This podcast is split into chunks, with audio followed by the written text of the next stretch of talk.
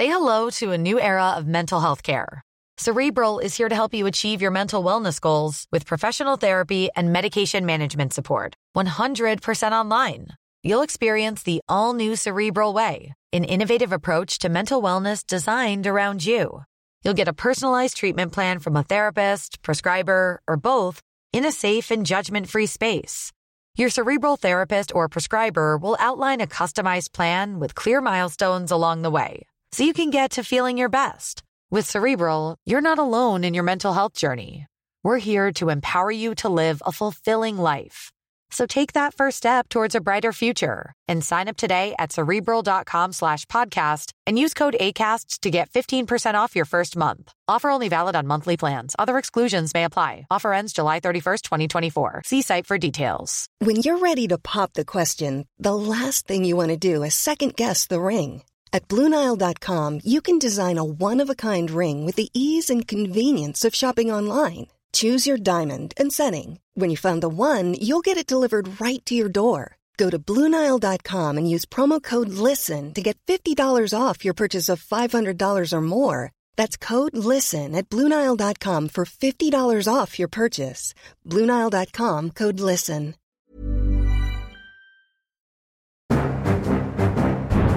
Det er helt umulig å snakke uten å være med armene. Ja. ja. Nei, men du, jeg tror vi setter i gang jeg, med en ny episode Aftenpodden USA. Kristina Pletten er på plass i Oslo som eh, vanlig. Hvordan går det der? Det går fint. Vi har vært i konfirmasjon, og det har begynt å regne endelig. Det har jo vært sånn tørke her at folk eh, eh, fikk beskjed om å nærmest ikke puste inn og ta dusjer på ti sekunder og sånn. Men i dag regner det, så det er gode greier. Det er veldig bra. Ja. Det er veldig bra. Det har, vært, det har vært vått her, altså, og en kald vår i og for seg de siste ukene, men nå tror jeg sommeren er på vei hit. Det er mulig vi har fått alt, alt regnet. For skikkelig fuktig ute i Central Park. Og så har jeg vært på en svært fuktig svipptur til, eh, til Pennsylvania, til det rurale landsbygda i denne vippstaten, som jo bare ligger altså, Man kommer dypt inn i bygda på to-tre timer fra New York City Mm. i Pennsylvania. Så så store forhold er det ikke i USA heller. Og det har vært veldig gøy, den turen. Det var i helgen. Eh, Jeg var på sånne små valgmøter med kanskje sånn 50-100 stykker. I sånne kafeer, nedlagte, det var en nedlagt teater, en bed and breakfast. Det føles litt som å være i, i Iowa før disse primærvalgene starter. Jeg bare, det bare slår meg når jeg er på sånne steder. Det er på en måte amerikansk demokrati på sitt aller, aller fineste. Folk kan stille opp en sånn tidlig tidlig lørdag morgen med donuts og for å høre på en politiker komme og snakke om politikk. Eh, Vi snakker jo mye om alt det, liksom, det kjipe 6. januar, alt det sjuke som skjer, men, men det er veldig, veldig fint. Så jeg var på tur med en sånn eh, mann som vil bli eh, liksom, senator i Pennsylvania for Demokratene, som heter John Fetterman, som i dag er sånn viseguvernør der. Veldig, Jeg jobber med en sak om han òg, veldig sånn, interessant type. Han er 203 cm høy, ser overhodet ikke ut som en politiker. Det spiller han også masse på. da, Går alltid i shorts, alltid hettegenser. Så vi får se om det er på en måte noe som kan appellere da, til demokrater utenfor byene, for de har jo et, et kjempeproblem, i partiet. Pennsylvania er jo litt sånn um, Du nevnte Iowa, men det er jo litt sånn Iowa med trær. Det er veldig mye skog, Ja. det er en svær stat, det er store landbruksområder, og det er veldig hyggelige folk. Det, jeg har vært masse og reist rundt i der, og det er skikkelig sånn uh, jordnære folk som uh, Ja. tar godt imot deg, og du kan alltid sette deg ned og slå av en prat og Så jeg har også mye gode opplevelser fra Pennsylvania. Og så har de masse fine sånne små, rare antikvitetsforretninger all over the place. Ja. Så du kan finne mye rare små skatter på de rareste steder. Vi var i noen skikkelig skikkelig koselige småbyer. Mm. Eh, liksom ordentlig langt ute på bygda der. Eh, og der er det jo nesten ingen demokrater igjen. Dette var steder som Bill Clinton for eksempel, vant flertall i, men nå er det bare De får kanskje 20% av stemmene. Så det er mye sånn galgenhumor også blant de demokratene som er der. Det er her venstresiden er. Hviska de og åpna døra da vi kom. Det er sånn, de vet at de er veldig få, da. De får, det er liksom Ja. Det er både på godt og vondt, da. De har dårlig forhold til familiemedlemmer, og de skiltene deres blir stjålet fra hagen og, og alle mulige sånne ting. Men de, de må løse dette problemet på en eller annen måte. Og Det er jo litt sånn tema for i dag egentlig òg. Vi skal snakke om, om primærvalgsesongen som er i gang i USA. Ja. Og egentlig konsentrere oss om republikanerne, da. Fordi alle har ventet på denne primærvalgsesongen, at den skal starte. For det er et mål på hvor mye makt Donald Trump har i det republikanske partiet, og om han vil komme tilbake i 2024. En test på om det er mulig, og hvor gode de sjansene er. Og vi vet allerede en hel del. De første primærvalgene har vært. Ja. Jeg kan eh, bare smette inn at primærvalgene er altså når partiene velger sin egen kandidat. Så det er på en måte republikanere mot republikanere og demokrater mot demokrater. Og det skjer liksom først en sånn runde, og så når de har mm. fått hver sin kandidat, så eh, stiller de mot hverandre da i valget til høsten. Ja. ja. Og dette skal vi gå ny dypt ned i i dag, men først får vi bare ta liksom, eh, vår faste siden sist-spalte. Jeg kan egentlig bare gå og ta første punkt. altså eh, Utkastet til denne abortdommen fra Høyesterett, som vi snakket om i forrige uke og lagde en hel episode om, den fortsetter å skape bølger.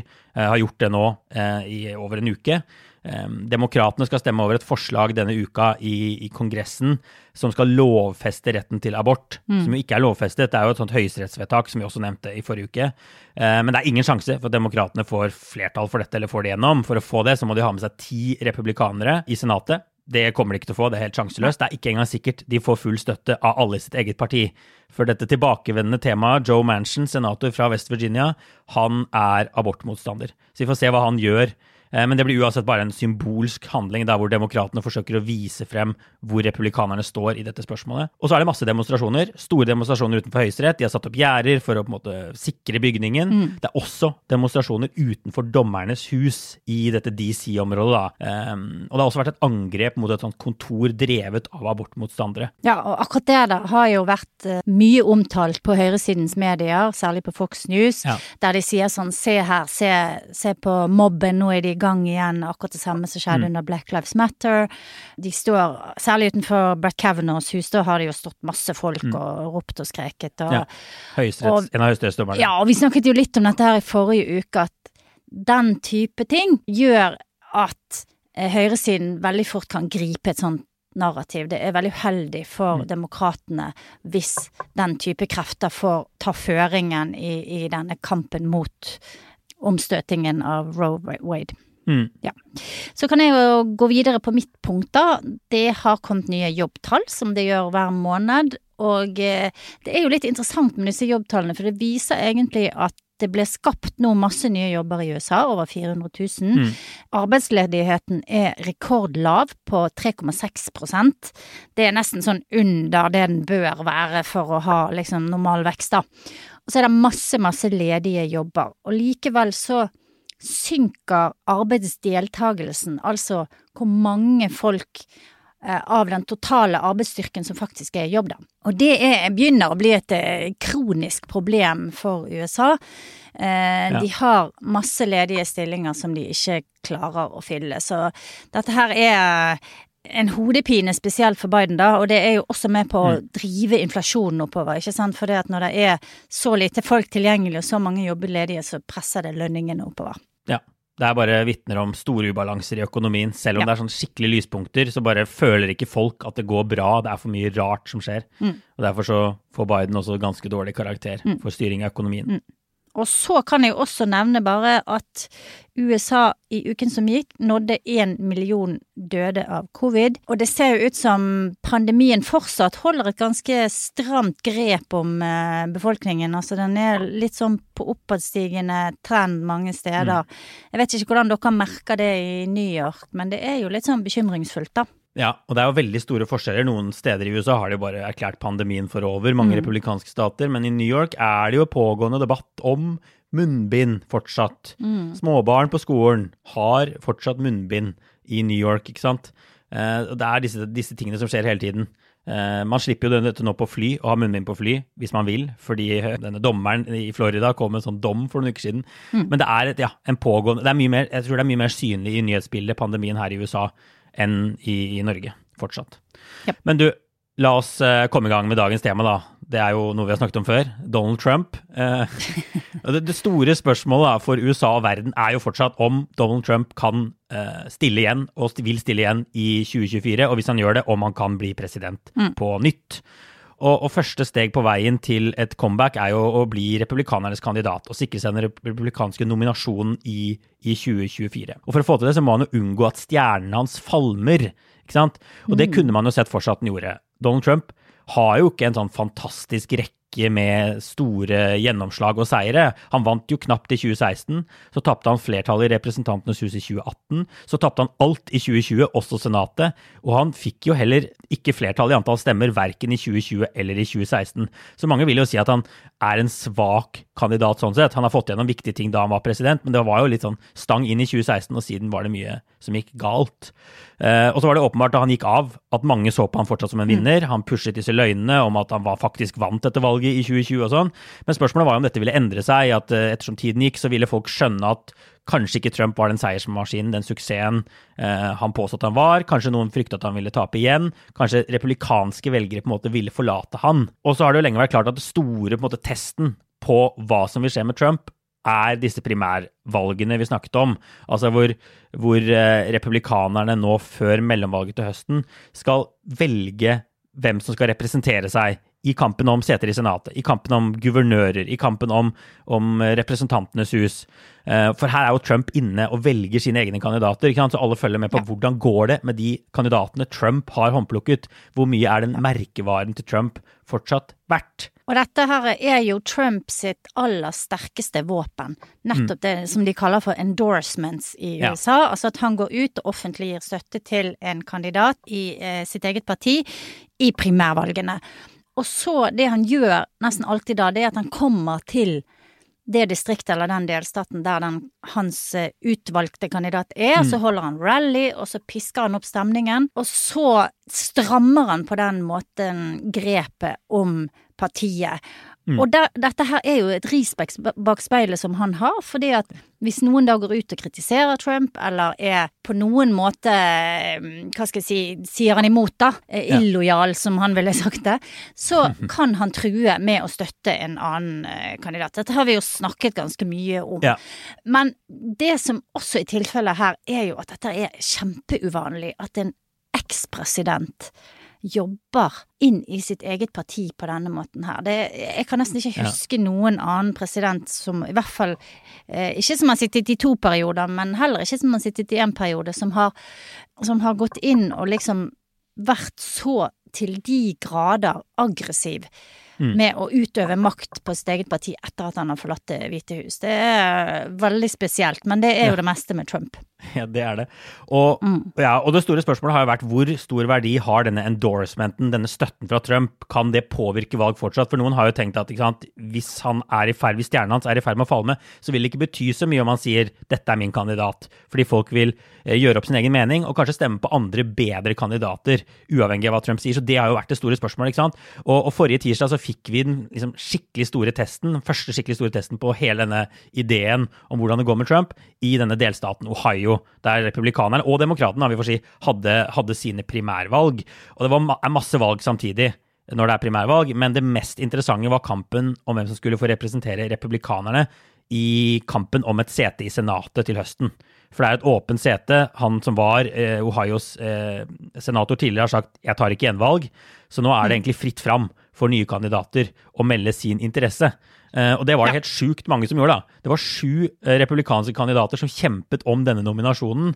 Uh, og det var også veldig trangt om plassen. altså Det var seks som presenterte seg som ulike miniversjoner av Trump. Og så var det én som ville si klart og tydelig at det var Biden som vant valget i 2020. Så det var jo bare et veldig sånn rotete, rotete landskap.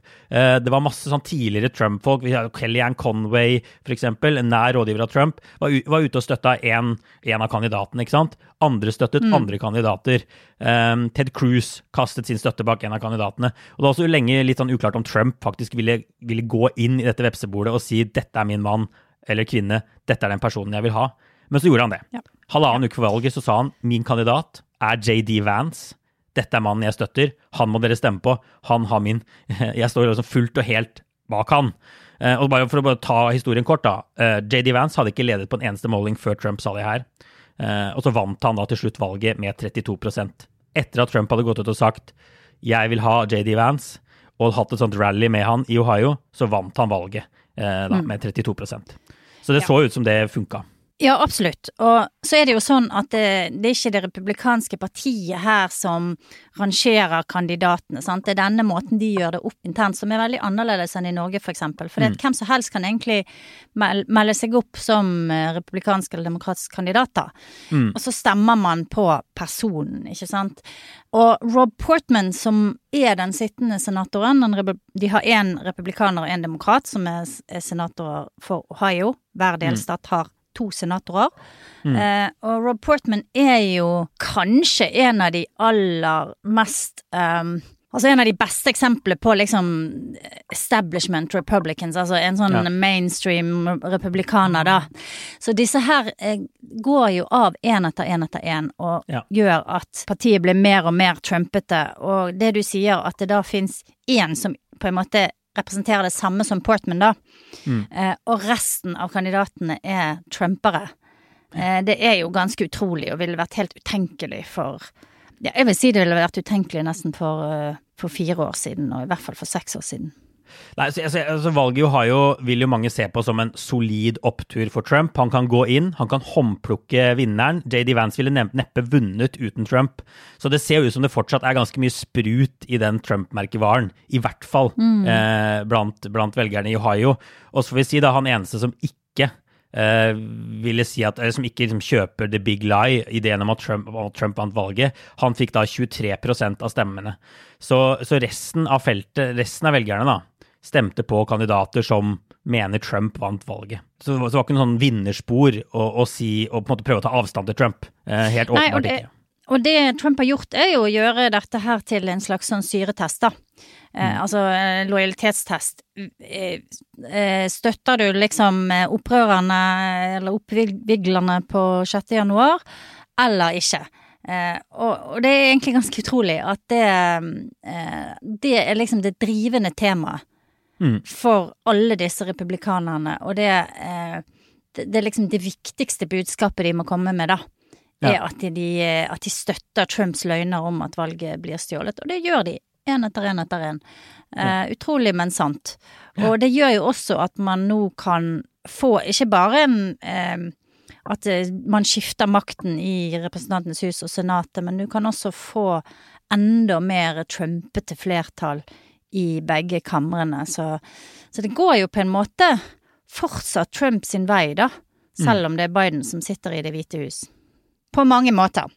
Ja, vi får, vi får bare snakke litt om, om, uh, om JD Vance, da. Uh, han ja. som faktisk nå er republikanernes senatskandidat i Ohio. Uh, og mm. Ohio har jo blitt bare en mer og mer republikansk stat. Trump vant den klart både i 2016 og 2020. Demokratene har en ganske god motkandidat, men det skal ganske mye til før han klarer å slå, slå Vance til høsten eh, i mellomvalget. For det, altså, Vance har jo ikke sikret seg denne plassen ennå. Han må jo vinne mellomvalget men han mm. ligger godt an til å klare det, da. Men altså, JD Vance han er 37 år, best kjent som forfatter av boken Hillbilly Elegy, som ble en megahit etter valget av Trump i 2016. For I den boken så beskriver jo Vance en sånn tøff oppvekst i en gammel industriby mm. i Ohio. Han var liksom, Familien var fattig, det var mye arbeidsledighet, dop, fraværende foreldre. Og Vance ble jo nærmest fremhevet som sånt orakel som kunne forklare Trumps magnetisme hos den hvite, hvite arbeiderklassen. Vi har lest boka begge to, det har blitt laget en film om denne boka. Eh, han var mm. kanskje ikke en helt på venstresiden, men han var i hvert fall en sånn ja, han ble ikke sett på som en sånn ytre høyre-person da, i det hele tatt, da han kom ut med denne boka. Nei, og jeg syns boken var god. Altså, den beskriver eh, fra hans ståsted eh, samfunnet rundt han, og eh, hvordan det er å vokse opp i Jeg tror både i eh, eh Kentucky og Ohio, så det er jo i sør mm. i Ohio dette her, i, i, disse områdene som grenser ned mot eh, Appalachia og mm. det er jo de områdene som er verst eh, rammet, f.eks. av denne opioideepidemien. Så det er jo områder som er hardt prøvet, for å si det mildt. Ja. Og Vance, det han gjorde, var jo egentlig å, å, å, å på en måte analysere det gjennom sine egne opplevelser. Det er ikke så ofte du ser, fordi at eh, ofte så er det jo liksom folk som kommer inn utenfra da og skal prøve ja. å forklare. Og kan gjøre det veldig godt. Eh, Thomas Seltzer er jo et godt eksempel på en som har gjort det, for eksempel, mm. Mm. i Norge. Men det at du liksom har en person som har vokst opp i et veldig eh, trøblete hjem, og har Mm. klart å komme seg ut av det, og så eh, ser på det med sitt unike blikk og sin unike analyse. Det var veldig kult, og det tror jeg var liksom nøkkelen til at det ble en suksess. Så hadde jo han òg en veldig sånn annerledes take enn liksom tradisjonelle eh, demokratene hadde, ikke sant. Han, han, Ja. han var sånn Han var ganske kritisk til disse samfunnene, kritisk til menneskene der. Ja. Eh, mente at det var ikke løsningen å bare pøse på med, med sosialhjelp, for eksempel. At det var eh, Han beskrev på en måte en dynamikk som, som var vanskelig, da, og, men, og, Mm. og der individuelt ansvar måtte stå fremst. Ja. Eh, ja. Så, så, så, så de litt konservative verdiene hans, de man kan se de skinne gjennom allerede i, i den boka. Det er litt sånn at han forklarer litt sånn, sånn velferdskultur, og det er litt sånn folk må ta seg sammen, så kan det lykkes. Sånn som han jo på en måte gjorde, da. Eh, Det er litt, litt, litt Han sier kanskje ikke så direkte, men han, men, men, men, men han, han ber ikke om måte å heve minstelønna eller å øke Nei. ordninger med food stamps eller, eller sånne ting. Eh, Nei, men samtidig så er han jo ganske nyansert. Altså han, Ja han, han avfeier ikke helt at liksom det å få hjelp er nødvendig, og han er vel sjøl et resultat av en som har fått eh, scholarships og sånne Ja. ting, og klart å komme seg ut, ikke sant. Så, han, så det var en ganske sånn nyansert fremstilling. Det var ikke en sånn uh, veldig sånn ekstremistiske. Høyre variant ikke. av dette ikke. narrativet. Nei. Nei. Og, og, og, og Vance studerte på Han har gjort flere ting, da, men han har studert på Yale. Eh, altså Mm. Yale Law School. Han har, han har blitt en sånn finansmann, vært finansmann i Silicon Valley. Har virkelig lykkes, egentlig. Um, Ja. Og var også veldig kritisk til Trump lenge. Han sammenlignet han med Hitler. Uh, han skrev 'herregud, for en idiot' i 2016. Han har jo vært opptatt av denne opioidepidemien, Vance lenge, og han kalte Trump for 'just another opioid', altså til liksom opium til folket, nærmest. Men så har han da snudd totalt i synet på Trump, ettersom i takt med egentlig at hans politiske ambisjoner har, har steget, da. Eh, Og egentlig i valgkampen, når han nå fant ut at han skulle prøve å få et, sikre seg en plass i Senatet, omfavnet både Trumps person, politikk og stil. At han har vært liksom en skikkelig urokråke på Twitter. Vi har jo tidligere snakket om Vance i forbindelse med invasjonen av Ukraina. Bare noen dager før Russland gikk inn i Ukraina, så han, så sa han på en, en sånn podkast jeg skal være ærlig med deg, jeg bryr meg faktisk ikke om hva som skjer i Ukraina, den ene eller andre veien. Veldig sånn isolasjonistisk, eh, liksom veldig sånn fokus på det som skjer i USA, og så begynner han å snakke om grensa, hvordan det smugles inn liksom heroin, opium, eh, opioider over grensa til Mexico. Han vil ha en mur mot Mexico. Han driver valgkamp med hun Marjorie Taylor Greene fra Georgia. Han snakker om korrupte eliter, veldig sånn populistisk retorikk og sånn. Så virkelig, virkelig en helomvending, på en måte. Ja, men jeg tenker at det kanskje slår an, i hvert fall i de der områdene som han kommer fra. Så må Det jo har åpenbart slått an. Han, han, Ja. Eh, og Ukraina må virke utrolig langt vekke. Ja. Sant? Og hvorfor skal de bry seg om det når de, når de knapt kan få sine egne liv til å gå opp, og de liksom vasser i problemer. Så jeg, det, akkurat den biten kan jeg faktisk forstå. Mm. Og det en gang eh, Det er ganske mange år siden nå, men jeg var i Kentucky på en jobb litt sånn oppe i Appalachian Mountains, Mm. eh, og skulle fly hjem igjen, da. Og lurte på liksom hva slags vei jeg skulle kjøre, og så spurte jeg noen eh, i, i den lille byen der jeg var, om liksom hva er nærmeste flyplass. Og det var ingen som visste det. Det var ingen som visste hvor den nærmeste flyplassen var. Det har jeg aldri glemt, for det er liksom utrolig tale, da. De hadde, det var så fjernt for de, bare det, liksom. Så da kan Ja. du tenke deg hvor langt vekke Ukraina må være. Ja, og han ble jo tilgitt av Trump for alt han hadde sagt. Så Trump har jo Mm. evnen til tilgivelse. Han må jo stadig tilgi folk som har sagt fæle ting om han i fortiden. Eh, For det er det jo de aller fleste republikanere, eller veldig mange republikanere har gjort det. Um, Trump sa vel at uh, Vance skjønner greia nå, for noen var litt overraska over at Trump gikk ut og støtta han. Han kunne jo støtta en av disse andre fem trumpete folka i Ohio, og kanskje gitt dem seieren. Men han sa liksom ja, Vance skjønner greia nå. Uh, han er den beste kandidaten til å slå demokratene i, i mellomvalget til høsten.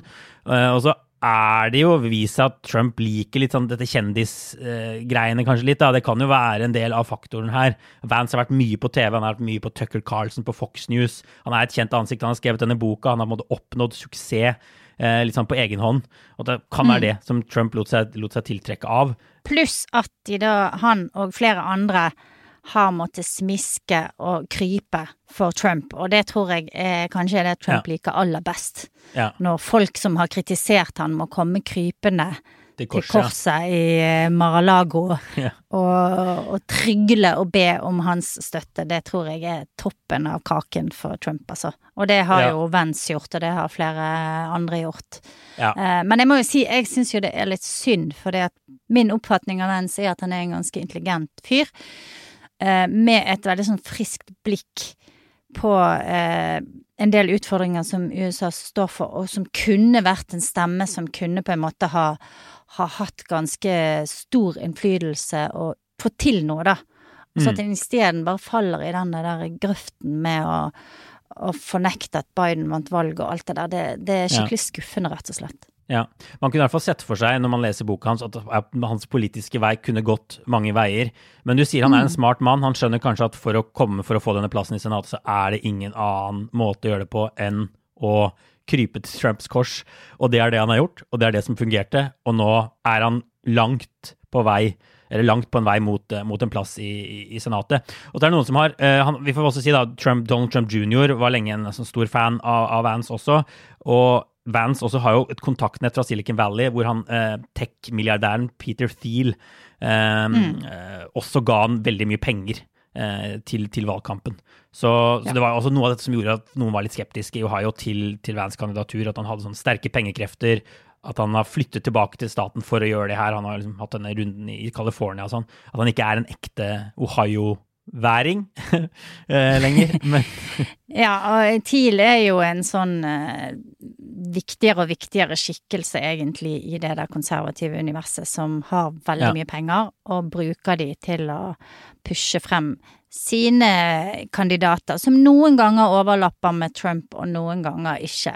Han Mm, er vel en mm. mer sånn libertarian-type ja. enn det Trump er, da, men Ja. eh, har kanskje beveget seg også han mer i retning av Trump de siste årene. Og det er nok ikke Ja. det siste vi får høre om Peter Thiel, for jeg tror at Nei. han kommer til å spille en, en stor rolle også ved presidentvalget i 2024.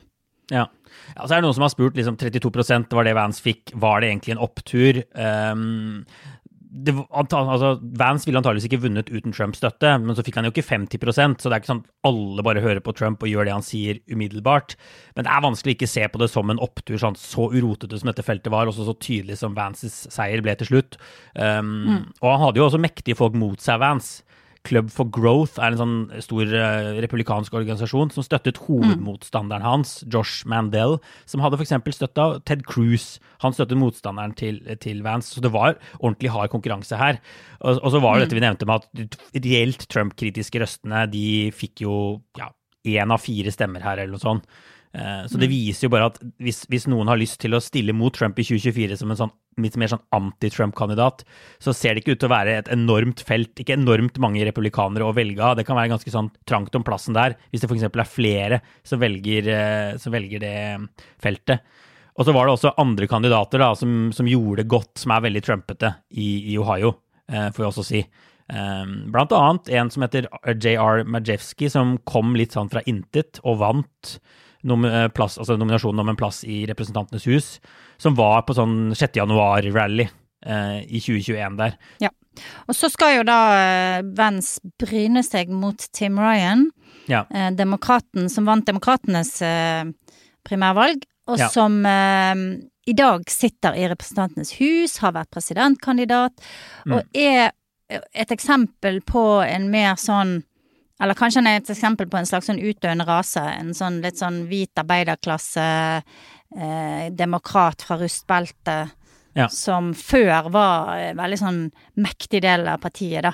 Men så forsvinner mer og mer vekk. Men Ryan er i hvert fall en sånn klassisk fyr som på papiret er en veldig bra kandidat for demokratene, men har liksom ikke klart Nei. å komme seg helt opp, da.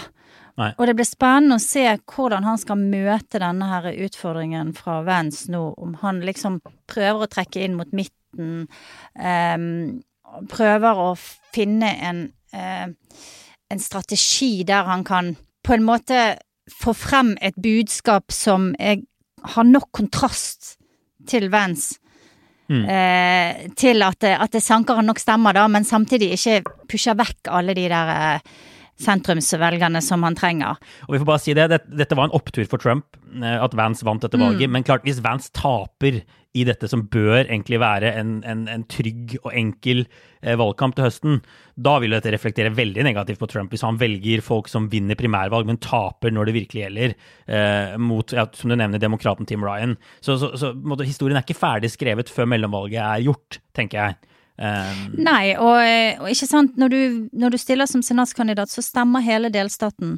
Ja. Det, er ikke, det, er ikke, bare ett distrikt, så Vens må jo også skaffe seg velgere i disse bynære områdene, da. Mm. Og det mm. vil bli en utfordring for han med den der stopp til stil-retorikken og alt ja. det der, da.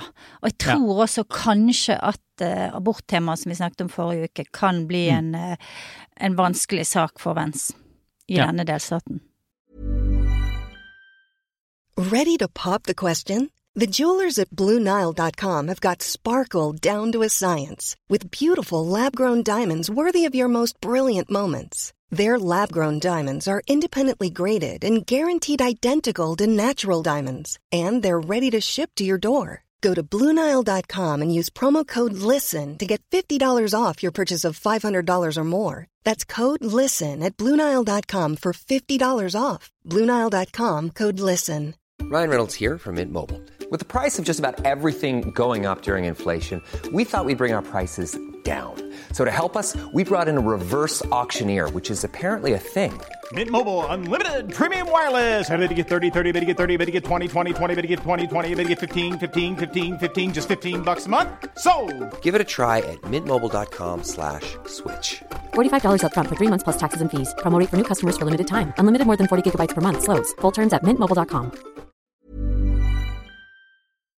Også som vi sa, så var liksom Ohio førstevalg, og så kommer valgene, primærvalgene på rekke og rad eh, fremover. Um, på 17. mai er det primærvalg i Pennsylvania, hvor Trump også vi får bare, altså, Trump kunne jo sitte tilbake her og latt disse tingene spille seg ut. Så, så det er jo litt gøy også at han kaster seg sånn inn.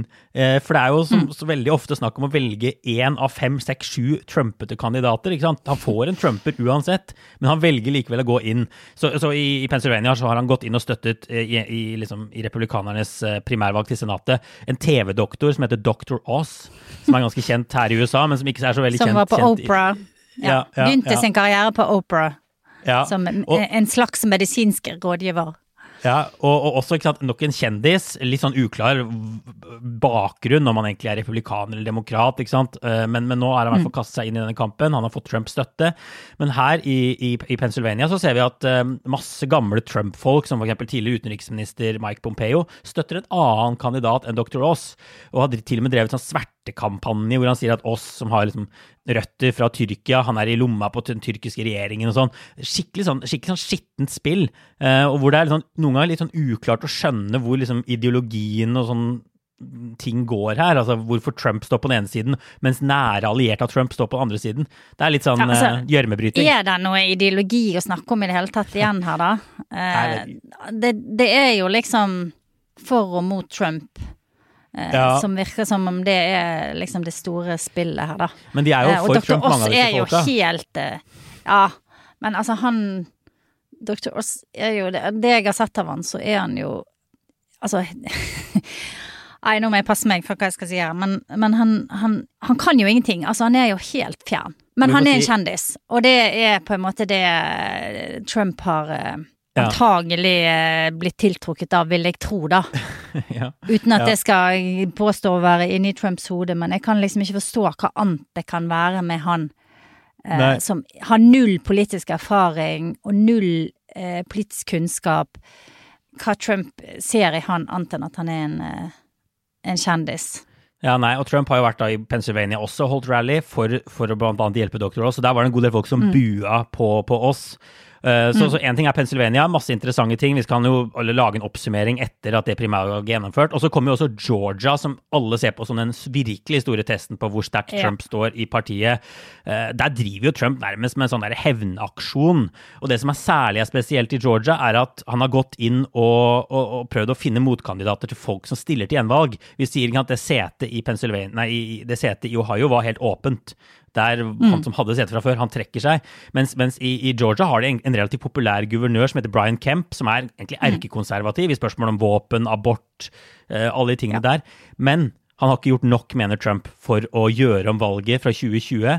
Derfor har Trump funnet sin egen kandidat og utfordrer Brian Kemp uh, i dette republikanske primærvalget. Og det blir en skikkelig skikkelig tøff kamp. Og der ligger Trumps kandidat ganske langt bak på meningsmålingene, f.eks. Ja, og det, han Purdue er jo ikke en Ja, det er han som Trump har valgt ut, David Purdue. Ja, ja. Uh, David Purdue uh, er jo en riking og en businessmann, og ikke noe sånn folkets mann som, uh, som man kanskje, som Vance i hvert fall er, og man kan kanskje si at Mehmet Oz også er det på sett og vis, da. Ja, Dr. Oz, ja. ja. Men, Dr. Oz. Men, mens David Purdue er jo en fjern skikkelse som, som egentlig kommer fra et fra en verden og et univers kanskje er vanskeligere for Trump å selge inn til sine liksom mest sånn ihuga fans, da. Ja. Så vi må jo bare si at sant, historien er ikke ferdig skrevet. Vi vet vesentlig mer etter primærvalget i f.eks. Pennsylvania, og særlig da primærvalget i Georgia, hvordan mm. Trump står i partiet. Og klart, hvis han går på noen skikkelige smeller her, så, så, vil ting være litt annerledes. Kanskje noen lukter litt blod. Det er jo spørsmål om noen tør å utfordre Trump i et primærvalg i 2024, og noen som på en måte har, kan ha sjanse. Men, uh, jeg vet ikke hva du tenker. Jeg. Altså, det ser jo ut som Trump altså, det står sterkt her. Det er vanskelig å se for seg hvem som skal kunne ta fra han nominasjonen, sånn som ting ser ut nå i 2024, er det ikke det? Jo, eh, hvis han eh, velger å stille, så er ja. det vanskelig å se for seg akkurat nå. Eh, det, er så, eh, det, er så, farlig å si noe, Øystein, for det at eh, ja, vi, vi, må, må fort bare... ete hatten vår eh, hvis ja, hvis det går helt jo, i en annen retning. Men, ja, jo men, det, men jo nærmere vi kommer, jo ja, ja, ja, og jo nærmere vi kommer, jo, jo, jo mer sannsynlig blir det jo, for det er jo veldig få som virker som de har klart å posisjonere seg som en reell utfordrer, da. Mm. Og langt på vei så handler veldig mye av primærvalgene om å vinne Trump, Trumps gunst. Uh, og som vi sier, selv om han skulle gå på en smell i Georgia, så er det ikke sikkert det på en måte betyr slutten på Trump. Altså Selv om Brian Kemp, da den sittende guvernøren, skulle vinne det primærvalget, så har han jo fortsatt en særdeles konservativ mann sittende som guvernør i Georgia. Så, men vi får se altså vi får se hva, hvordan, hva det vil gjøre med mediedynamikken. Sånn, om Trump går på noen liksom ordentlig profilerte nederlag og smeller denne våren. Om det kan eh, gjøre at det vil bli mer skriverier om at han er på en måte i ferd med å falme litt, da. Eller ikke. Ja. Eh, men, ja, Men det, er jo, det, er jo også viktig for Trump å eh, få flertall i Kongressen nå. Mm. Eh, blant annet fordi at med republikansk flertall i både Senatet og i Huset, så vil de kunne sette agendaen, ikke sant. Så da er mm. det slutt på granskninger 6. januar, og det er slutt på alt som liksom kan bygge opp et negativt narrativ om Trump. Ja. Eh, og han vil da kunne kjøre eh, i, i samarbeid med sine da lakeier i Kongressen, så vil han kunne kjøre frem sin agenda før han eh, egentlig eh, eventuelt stiller til valg. Ja. Og det tror jeg er kjempeviktig i denne der kabalen som nå skal gå opp for at han skal kunne eh, erklære sitt kandidat, ja, sitt ja. comeback. Så status nå er at Trump holder masse folkemøter, han samler inn eh, masse penger. Um, mm. Den viktigste etterforskningen av Trump, eh, som kanskje så mest lovende ut med demokratiske øyne, var etterforskningen av Trump-organisasjonen her i, i, New York City, hvor det var en sånn ja, det de kaller en criminal investigation, som altså kunne endt med, med fengselsstraff. Den ser egentlig død ut nå. Den ser ut til å være lagt død eh, inntil videre. Ikke veldig, mm. ikke veldig lovende. Um, så kan det skje ting på andre områder, men det virker som det virker som et longshot at det skal på en måte hindre Trump i å stille igjen. Uh, at han blir dømt for et eller annet i rettssystemet. Det virker som det må skje på en annen, uh, annen måte. Og så har vi nevnt, det er sånne småskandaler. Det kommer stadig ut bøker som er negative, som, som som tegner et negativt bilde av Trump. Du nevnte tidligere forsvarsminister Mark Esper for noen uker siden, mm. som snart blant annet har sagt i boka si som kom ut nå om at Trump ville sende missiler inn i Mexico og sånn.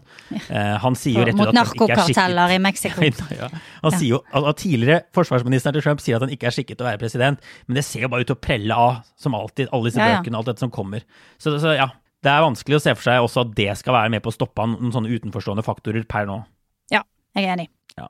Du, jeg tror vi bare setter strek der, og så tror jeg vi tar litt eh, obligatorisk refleksjon til uh, slutt. Kristina, hva har du tenkt på nå den siste Nei, uka? Altså, jeg har vært egentlig opptatt av en mann som heter Steve Schmidt, som Ja. var eh, leder for valgkampen til John McCain i 2008. Og den valgkampen fulgte jeg ganske eh, nøye. Utrolig nok er det jo 14 år siden nå. Ja. Men eh, han har de siste dagene gått helt berserk på Twitter og i en bloggpost, og på en måte Dette er kom Twitter med på sitt del- beste, får vi si, da. Når folk Ja, har sånne beste og brutale verste. Oppgjør. er Ja. Og gått rett i halsen, strupen etter det, på datteren til John McCain, Megan McCain, som har kommet med en ny bok, Bad Republican.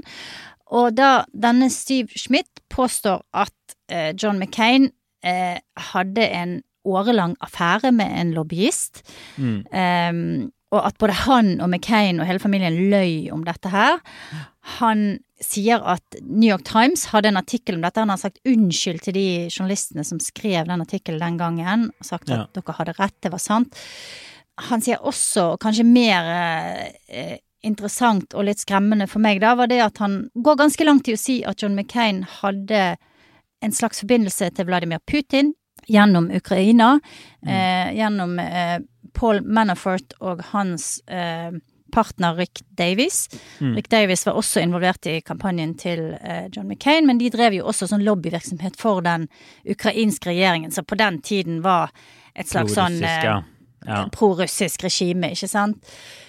Han har skrevet en ganske lang bloggpost som vi kan legge ut lenke til, men det er utrolig interessant da når en sånn mann som har sittet så tett på, han ledet altså valgkampen til McCain, tar liksom bladet fra munnen og, og, Ja. og bare forteller det på en så rå måte som det han gjør. Og så er det jo noen som skriver sånn 'herregud, sett fra deg whiskyflasken, nå er du gått helt uh, amok', men, men jeg har faktisk møtt han og intervjuet han en gang, og han er jo en, eh, en smart fyr. Han er jo en av, av eh, hovedmenn også bak dette her, The Lincoln Project, som, Ja. som jobbet mot Trump i 2020. Så han er jo en eh, interessant type. Um, og jeg tror det som trigget han, var at Meghan McCain kalte han for pedofil. Og Ja. det er jo blitt en sånn der eh, nærmest sånn standardanklage for disse her eh, Trumpene mot, mot alle de er uenige med nett, nesten, ikke sant? At du er sånn groomer og, og Ja. pedofil, eller du, du skjuler pedofile. Vi så det i høyesterettshøringen til den nye høyesterettsdommeren. Uh, ja, ja. Mye. Ja. eh, Ketanji Brown. Så jeg tror det var det som trigget han og gjorde han så rasende at han sa at nå, dette finner jeg meg ikke i, nå går jeg ut og bare forteller Lager en sannheten. enorm ripe i lakken til John McCains ettermæle. Ja. Det er jo det han egentlig gjør. For McCain Ja, har det er det på en han måte gjør blitt hevet litt opp som en sånn helt, på, blant annet pga. Liksom Ja. motstanden mot Trump og, Trump og alle disse tingene her. Så det er Mm. veldig interessant at han nå velger, velger, å, velger å gjøre det her, som, som har blitt ja, en slags helt, Ja. som er jo en helt for mange. Eh, McCain, selv om han tapte for Obama i 2008. Og så nevner han også Palin og den der merkelige Ja. av Sarah Palin Mm. som, som visepresidentkandidat, hvor Smith tydeligvis hadde en ganske avgjørende rolle i, i at Ja, så det det var han som foreslo Sarah Palin, da. Ja. Uh, men det var uh, han, Rick Davis, som var ansvarlig, ifølge Smith, for å liksom vette henne, altså sjekke bakgrunnen, bakgrunnen hennes, og sjekke at hun var Ja. Skikket til eh, den eh, Og han sier hun er liksom ikke skikket til å være sånn eh, crossing guard, altså sånn som står i overgangsfelt og passer på at folk kommer seg trygt over veien. Ja. Eh, så han har gått ganske langt i å angripe Sarah Palin også. Og denne Ja. historien, eh, for folk som er veldig interessert, så ligger der en film som heter Game Change. Om akkurat dette her, om den valgkampen, om Steve Schmidt og Sarah Palin. Og en veldig god film. Ja. Eh, jeg tror den ligger på Netflix, faktisk. Og den er, den er veldig kul. Den er veldig verdt å se, altså. Og så kan du lese bloggposten til Steve Schmidt etterpå. Eh, Ja. Det er politikk på sitt verste og beste og mest underholdende. Ja, veldig, veldig bra. Vi legger ut en lenke til bloggposten. Jeg Mm. har egentlig noe litt sånn relatert på min OR, som også er en brutal nedslakting av en sittende politiker, da. Dianne Feinstein, som er senator fra California, 88 år gammel. Den siste måneden har både San Francisco Chronicle og New York Times skrevet det som må kunne sies å være ganske knusende artikler om Feinstein, og gammel, at hun er så gammel at hun er i ferd med å liksom ja, begynner å bli ordentlig dement, er det egentlig de sier. Eh, mellom og ikke bare mellom linjene. Det sies at hun eh, glemmer folk hun har møtt igjen og igjen. Hun glemmer ting som har blitt sagt. Eh, New York Times skriver at hun she walks around in the state of befuddlement. Som jo ikke, ikke høres bra ut. De har snakket, alle anonyme, alle kildene her, for det er jo folk fra hennes eget parti som går ut mot henne. Men det er en kongre kongressrepresentant som sier at han har måttet, eller hun har måttet reintrodusere seg flere ganger. Hjelpe Feinstein med å finne vesken, svare på de samme smalltalk-spørsmålene igjen og igjen. Eh, San Francisco Chronicle skriver at hun har gode og dårlige dager, men at på de dårligste dagene så kjenner hun ikke igjen, en igjen liksom, kolleger fra, som hun har hatt i mange, mange år da, i Senatet. Så det er skikkelig, skikkelig brutale, brutale saker fra folk i Feinsteins eget eh, demokratiske parti, som nå vil at hun skal gå av. Ja, det, det, er jo egentlig bare trist, men det har jo vært en kampanje ganske lenge. En presskampanje for å få henne ut. Før, ja, ja eh, hun satt jo som demokratenes toppkvinne i justiskomiteen. Eh, mm. i Senatet, som er de som blant annet eh, arrangerer høringer for uh, dommere og høyesterettsdommere osv. Så, videre. så hun hadde en utrolig viktig rolle der. Mm. Og det ble jo etter hvert tydelig at hun ikke klarte å egentlig gjøre det godt nok. Da fikk masse kritikk etter Kavanaugh-høringen, blant annet.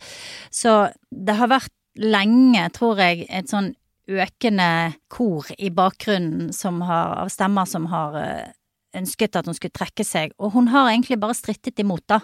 Ja. Og så får du jo eh, egentlig et veldig lite eh, ærefullt eh, sorti, mm. som jeg tror dette vil ende med på en eller annen måte.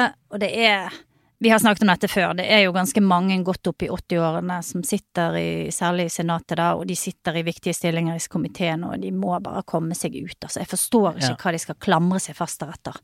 Nei. Så sier noen at dette er kvinnefiendtlig. Eh, senatet har, og det er jo helt riktig, at de har hatt menn som har sittet mye lenger enn det. Da nevnes Storm Thurmond, som satt til han var 100, knapt kunne høre og snakke på slutten, måtte hjelpes Ja, Men det er jo ikke noe argument. Nei, ikke sant, det er det jeg tenker òg. Altså, det er et litt rart argument at det har vært Noen ble båret liksom halvdau inn i Senatet for å stemme. Ja, ja, er jo ikke noe argument mot at Og forresten så brukte også Ruth Bader Ginsburg det, det der eh, argumentet med at det var kvinnefiendtlig, og ikke, menn ble ikke presset til å, å, gå av. Og, og, hun burde jo også ha trukket seg. Ja. Og ikke det at jeg skal legge skyld på hun for det som nå skjer med abort, men, men USA hadde sannsynligvis vært, i en ganske annen situasjon dersom Bader Ginsburg hadde trukket seg under Obama og latt eh, en, en ny dommer få, få komme, komme på plass, da. Ja. ja. ja.